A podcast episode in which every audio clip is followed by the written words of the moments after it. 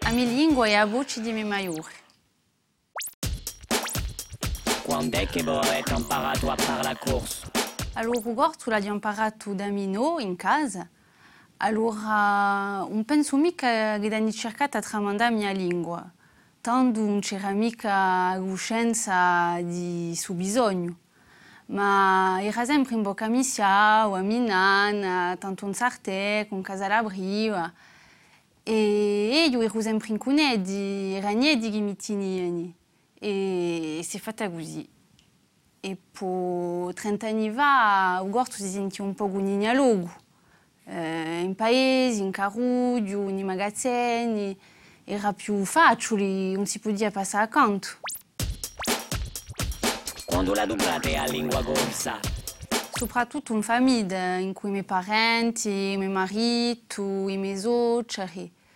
E poi di noi, in cui i miei nipoti, Lesia, che ha 5 anni, eh, di vedere da capisce, da cominciare a rispondere, è sempre un piacere.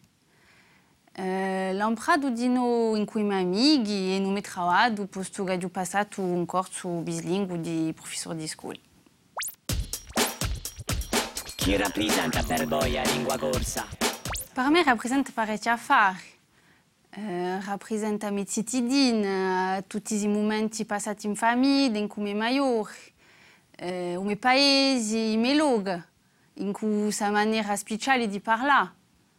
Per me, o tarawese o o ruchigiano eh, sono migliori.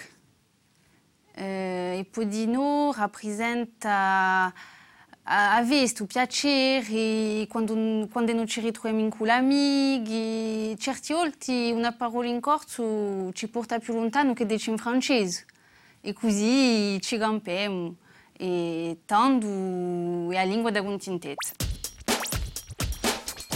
Dite la bene di a lingua corsa?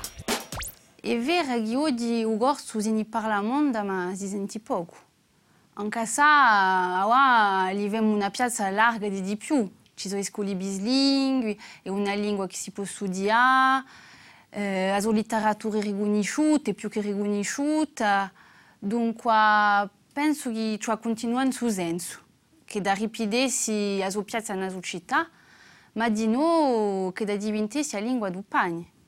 Ci vorrebbe che da diventarsi la lingua del pane. E così la lingua di tutti.